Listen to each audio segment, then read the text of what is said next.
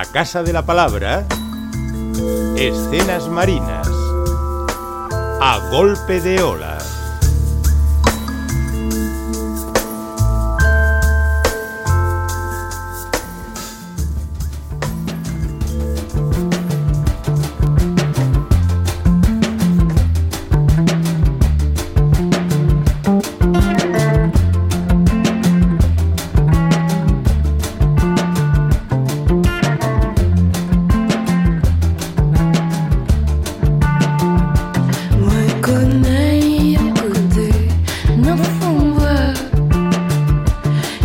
La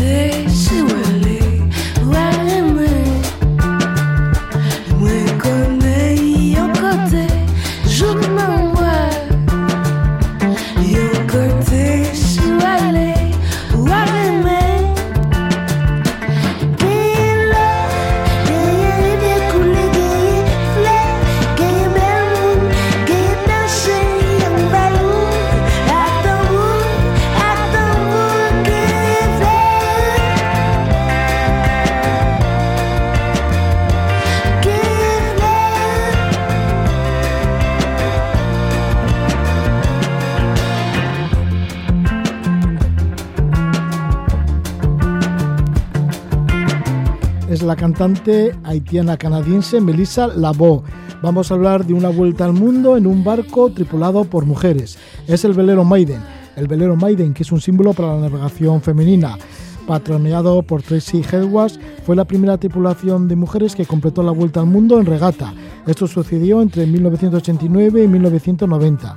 La propia Tracy rescató años después del desguace el Maiden.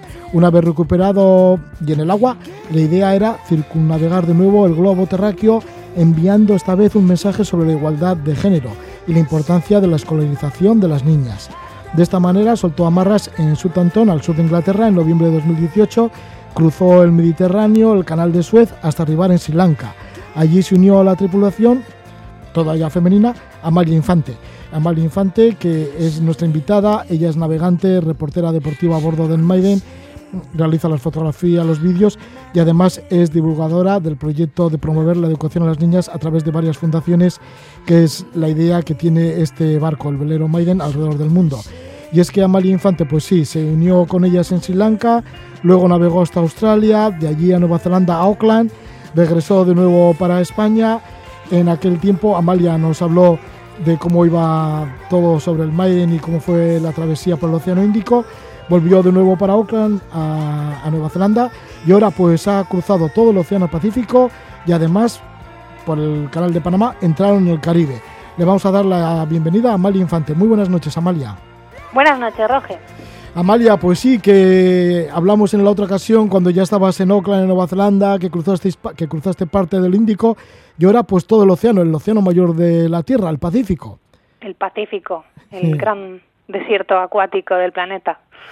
¿Cómo habéis sido recibidas? Porque claro, sois embajadoras, ¿no? Lleváis un mensaje claro en vuestra travesía por los océanos.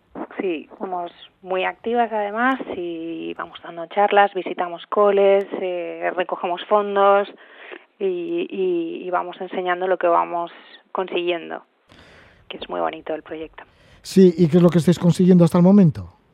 Pues bueno, eh, trabajamos con seis fundaciones, como has comentado, seis fundaciones que aseguran que esas niñas tienen todos los ángulos cubiertos para asegurar que pueden llegar a la universidad.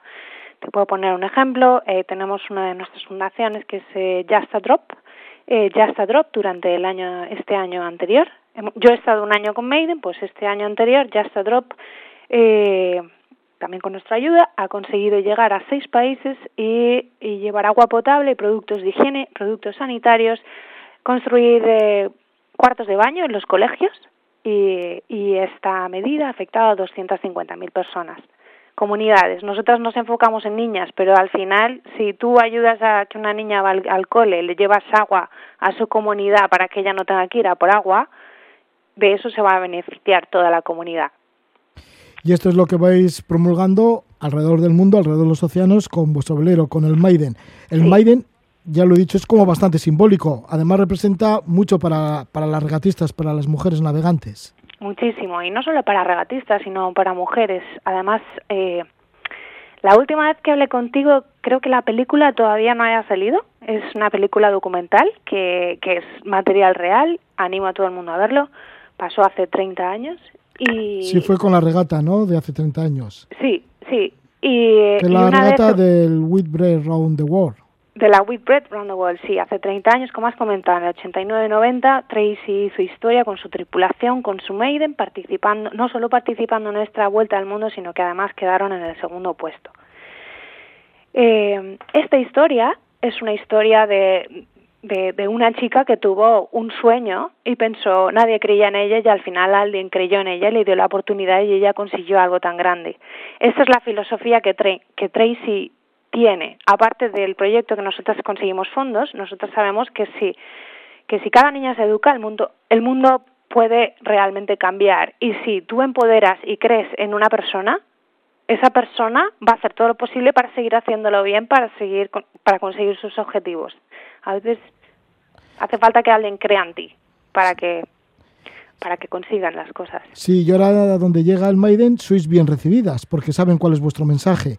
Y así como fuiste recibidas en Auckland, en Nueva Zelanda, porque fuiste recibidos por mujeres maorís. Una maravilla. Fue además de pelos de punta. Tuvimos, eh, llegamos muy pronto por la mañana. Había una niebla muy, muy, muy espesa. De hecho, no sabíamos si habían venido alguien a recibirnos o no. No sabíamos y entre entre la niebla de repente se vieron como unas siluetas de barcos que las fotos son impresionantes y apareció el Lions New Zealand y el Steinlager de Sir Peter Blake los dos barcos con 30 niñas maorís cantando. Bueno fue como nos pusimos todas muy emotivas pero fue muy especial porque además los maorís los maorís llegaron a Nueva Zelanda en barcas. Para ellos la, la vela la vela no, bueno, la, la navegación es algo muy de su cultura, muy de ellos. Y, y venera mucho también a la mujer como navegante, la tienen, le tiene mucho respeto. Y cuando nos partimos de Oakland, además nos hicieron otro rito especial solamente las mujeres maorís para darnos las bendiciones, para seguir con nuestra causa. Y tanto que tiene que poner los pelos de punta, ¿no? Porque la energía que cantan los maorís y además si aparecieron entre la niebla, ahí en el mar, imagínate. Impresionante, o sea, no, no, bueno, yo no, no me, no, no te puedo explicar lo que es. Y además fue como haciéndose más grande. Una vez partimos de Oakland, tardamos 23 días en llegar a Honolulu, o sea, del hemisferio sur empezamos a subir. Teníamos que hacer Honolulu y de ahí llegar a Vancouver. Pues hicimos parada en Honolulu y ocurrió más o menos lo mismo con las mujeres nativas de ahí. ¿De Hawái? Sí, ¿Y qué os prepararon las mujeres de Hawái? Pues venían, nos cantaban, nos hacen unos intercambios de collares, eh, nos agarramos todas las de las manos, cantan, es como muy... Yo no hago yoga, pero sí que hago meditación, ¿no? Y, y estas cosas nos hicieron un rito que todas cantábamos y la verdad es que, que, que sientes mucha unión y que da igual de dónde seas, qué idioma hablas, pero notas mucha unión por parte de las mujeres y, y por todos aquellos que apoyan la causa, que es impresionante. ¿Os pondrían los típicos collares de flores de recibimiento? Sí, sí, sí. Sí, o sea que ya estabais coronadas con las flores. ¿Y cómo os trató la gente allí en Hawái? ¿Cómo es Hawái? Coronadas. Bueno, la gente de Hawái... Eh, estuvimos en Honolulu, que es como la más... Está el aeropuerto internacional, entonces es como más turístico. Hay muchísimo asiático, muchísimo, pero, pero, pero es una pasada, o sea, yo tenía muchas ganas de cogerme una avioneta e irme a otra islita, porque, porque, madre mía, es, es impresionante. La gente es maravillosa, es muy humilde, el, el club náutico nos hizo mucha gracia, porque es, es una casetita, es una cabañita en mitad de la ciudad, eh, en mitad de un pantalán, que es muy pequeño, y dices, la de regatas historia que tiene este club y es una, una cabaña, o sea, es dos pisos. Pero a veces que te daban ganas de irte de Honolulu porque es muy turístico. Por, por huir de, de, de la, del turismo. Pero bueno, donde estábamos también eh, era cuando nos íbamos a, cuando teníamos un ratito para ir a ver algo, pues te vas a los típicos sitios y, pues siempre está lleno de gente, ¿no? Y, pero luego también te coges un coche, te vas a la otra parte de la isla y no hay nadie. Así es que sí, ¿Cómo Hawái fue, me encantó. Ya, ¿y cómo fue la travesía desde Auckland, la capital de Nueva Zelanda, que además le llama la ciudad de las velas, desde allí hasta Honolulu, en Hawái. ¿Cómo fue Pues por el fue- Pacífico? Fue. mm, Tuvimos. Es bastante impredecible, puedo decir, nuestra travesía en el Pacífico, porque un día teníamos buen viento, el siguiente día el mar estaba como una balsa de aceite, al día siguiente teníamos una castaña, era un poco. Mm, Bueno, nos mantenía muy activas.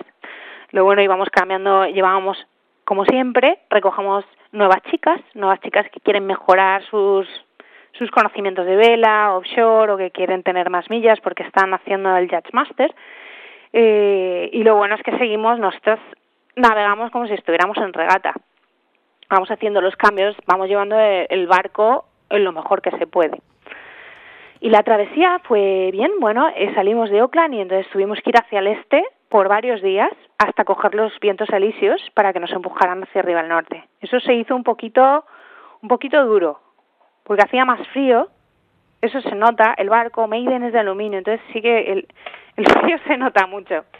Pero, pero bueno, enseguida empezamos a subir, enseguida los vientos alisios empezaron a empujarnos hacia arriba, tardamos como 23 días, esa travesía fue, fue muy buena, la verdad no hubo ningún incidente ni nada, vimos vida marina, vimos por primera vez ballenas piloto, que son como una especie entre orca y delfín, y son muy curiosas.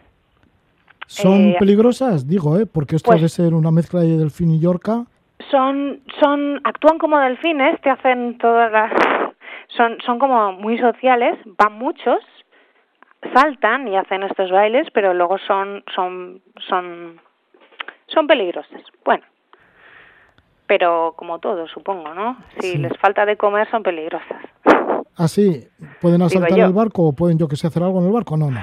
No, bueno, son pequeñas, pero Sí. bueno, vimos, las vimos, eran más pequeñas que orcas, estaban ahí en las ban- en la banda, estuvieron como media hora con nosotras muchísimo tiempo y luego estuvimos investigando y hablando con con un centro de investigación de mamíferos y nos dijeron que eran ballenas piloto, que eran muy raras, que era muy raro que se acercaran a los barcos. Y sí, sí, la verdad es que es impresionante lo que hay por ahí, lo que no sabemos. Ya, y sí, sí, sí, porque esta relación con, con el océano y lo que aparece en el océano, el medio del océano, porque vas por el Pacífico, son millas y millas y días y días sin, supongo, sin ver ninguna otra vida, ¿no? O sea, bueno, vida, ni barcos, Ni barcos, o sea, ni nada, no, no, no. pero No luego escuchas ni encontrarte con esto, ¿eh?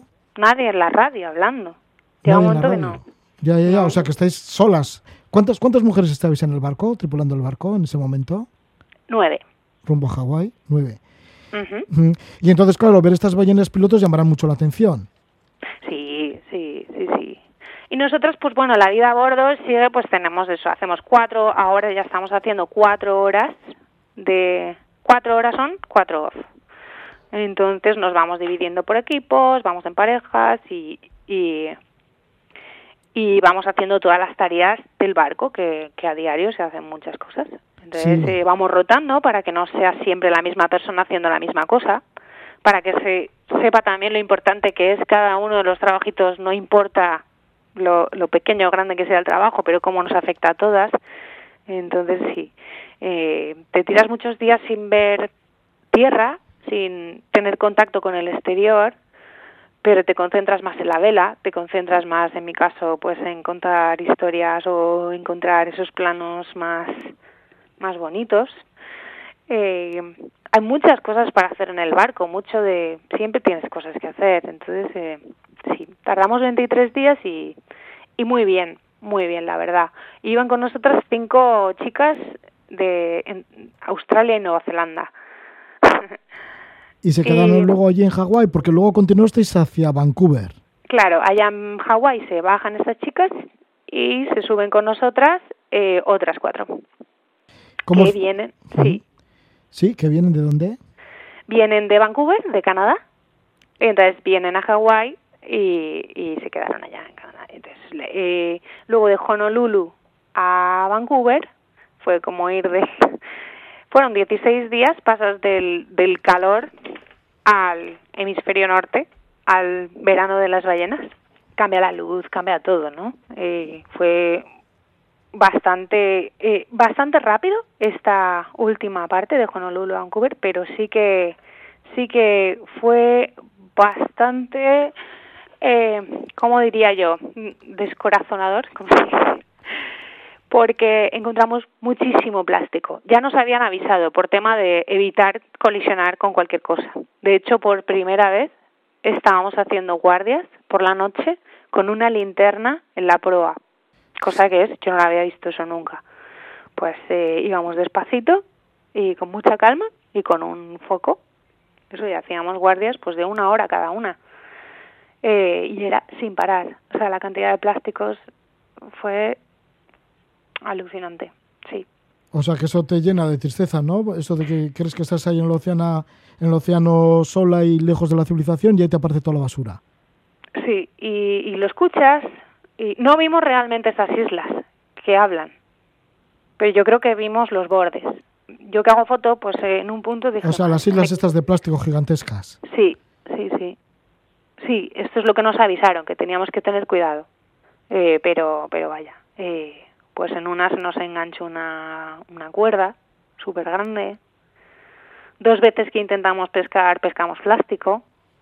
Fue un poco como un encuentro con la naturaleza, sobre todo esas horas haciendo guardia en la proa, eh, que no llegaba a anochecer, tiene una luz muy clara, con mucha niebla, unos cielos muy rosas. Fue como, era un poco como estar en, en, un, en un purgatorio o algo así, porque estás tú solo mirando a la proa con el mar y ¿qué hago yo con una linterna en el Pacífico apuntando para ver si me, se me va a meter algo en la, en la hélice? Es como muy triste, ¿no? Me dices que estoy en un lago, pero es que estoy en el Pacífico. Y, y sí, Sí, el mayor de los océanos, que tienes que tener peligro, pues eso, que aparezcan los plásticos y, y haga una avería, ¿no? En, la hélice del barco. Claro, claro, además había mucha calma, de repente muchas calmas, mucha niebla. ¿Y cómo fue la entrada en la bahía de Vancouver? Pues precioso. Eh, la verdad no me, no me había imaginado nunca cómo era, pero empezamos, primero hicimos una parada en Victoria, porque nos esperaban al día siguiente y como nosotros pues viene gente a recibirnos pues tenemos que respetar mucho las fechas que damos entonces hicimos una parada técnica en Victoria un día que estuvo fenomenal y luego ya llegamos a Vancouver. Tuvimos nos vinieron a, a pues vino pues los medios vino vino vino más los la gente del telediario, era como algo muy importante que estaba ocurriendo en Vancouver. Nos llevaron a la televisión y allí pudimos divulgar nuestro proyecto y la verdad es que Canadá se ha convertido en un... Hay muchos grupos que nos ayudan, luego nos hicimos... Eh, nos hicimos amigas y, y colaboradores también con, con, con un grupo que se llama Fishing for Plastics, que son una, una fundación que trabaja para, para limpiar los océanos como muchas otras, y lo que hacen es eh, pagan a los pescadores por recoger las, sus basuras. Es un poco triste decirlo, pero ocurre. Y, y bueno, y, allí la verdad que fue, Canadá es impresionante como a nivel medioambiental, la conciencia que tienen y lo activos que son. Sí. Pues ahí estuvisteis en Vancouver y luego ya empezasteis a bajar por la costa de Norteamérica, por la costa oeste, hacia Seattle, San Francisco, a Monterrey, Santa Bárbara, Los Ángeles y ya entrasteis en Baja California, en México, hasta el canal de Panamá y pasasteis el estrecho de, Panamá para entrar en el Caribe y en el Caribe estuvisteis haciendo regatas. Mm, esto igual, si quieres, ya lo dejamos para otro momento, como hicisteis Estados Unidos o cómo llegasteis a Baja California, pero algún momento así de estos que no se te olvidan de estar en una guardia a la noche, por ejemplo, en la mar, en el velero Maiden, y qué hora nos quieras transmitir. ¿Alguna imagen? Hay alguna imagen que te quiera transmitir. Sí. Pues, pues esas noches, cuando empieza la oscuridad, empieza a brillar todo. Es la más oscura, el, la más profunda oscuridad. Empiezas a ver cada vez más cosas, los ojos se te acostumbran, hay cosas que no puedo fotografiar, como sería esto es la, esos, esos cielos llenos de estrellas, que ves perfectamente la Vía Láctea. Y, y, y, la bioluminiscencia del mar, cómo brilla, cómo brilla la estela, cómo vienen grupos de delfines y parecen torpedos que parecen torpedos iluminados por debajo del agua. Es que es una sensación Otra imagen que te pueda transmitir, pues, eh, pues el, un arco iris de luna, por ejemplo, que creo que ya te hablé de él. Hemos visto más. Y he visto también eh, arcoíris de niebla durante el día, arcoíris blancos. ¿Ah, sí? Que es una preciosidad. Y eso es porque las partículas de agua son tan chiquititas que no le da tiempo a las ondas. son tan chiquitinas que se queda en blanco. No, no da tiempo a que los rayos se queden, los, los, los, tres rayos se queden ahí. Eh, para dar color, sí. Eh, más cosas. Eh, hemos visto ovnis. ¿Ovnis? Hemos visto ovnis. Objetos no identificados, ¿no? Por ahí volando. Exacto, exacto.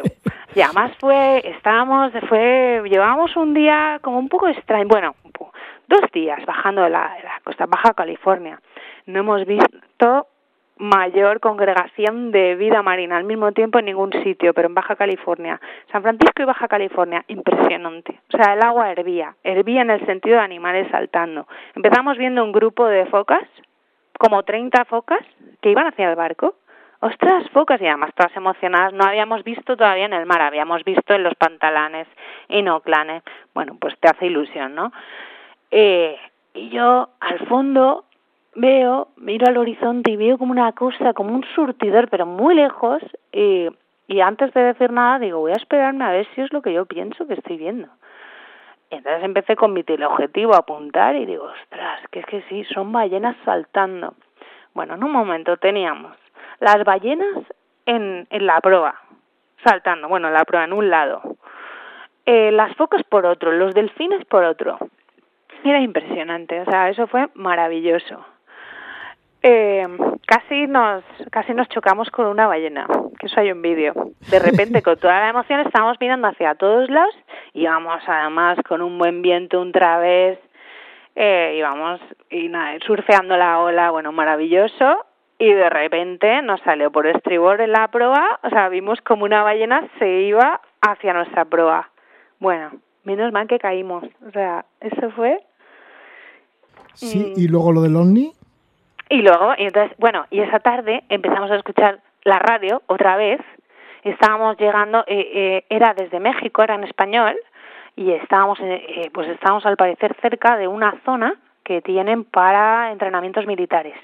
Que nos mantuviésemos alejados, cualquier barco tiene que estar alejado. A saber cuántas cosas ocurren en el Pacífico que no sabemos, pero es una zona restringida y que bajo nuestra responsabilidad o sea que puede haber muchas pruebas militares que son secretas ahí en el Pacífico. Sí, sí, sí, sí, sí, sí. Y a las seis y media de la tarde, que ya era de noche, eh, estaba, no, es, no era noche, noche. De repente Erika dice, ostras, mirad, miramos hacia arriba y vemos 30 luces en línea con exactamente, o sea, estaban, tenían la misma distancia entre ellas y estuvieron como un minuto por delante yendo hacia, pues como de vuelta a Oakland, ¿sabes? Hacia el suroeste. Pero tardaron un minuto y ¡pum! y se esfumaron. Y todas estábamos, ¿qué es eso? Madre mía. Pues imagínate, entre risas y susto, pero bueno, eh, que hemos visto, pues muy raro, muy muy extraño. O sea, obviamente o eso era del hombre o...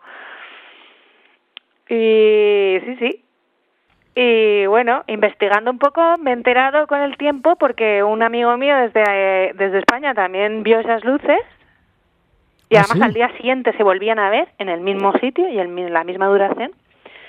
Sí, sí, eh, hablando con unos colegas aquí me dice, ¿tú te puedes creer que mi amigo está alucinado por estas luces del espacio? Y digo, ostras, que yo las he visto en el otro lado del mundo. No está loco, yo las he visto. Y luego han empezado un montón de gente a hablar en las redes con la cuarentena que las han visto. Ahora ya están más separadas. Y al parecer es que han lanzado satélites al espacio y cuando recién los lanzan, pues están todos alineados, más o menos guardan una distancia hasta que siguen dando vueltas y entonces se empiezan a separar y, y, eh, poner en diferentes sitios. Pero sí, sí, eso fue bastante alucinante. Así que los satélites, estos son mis.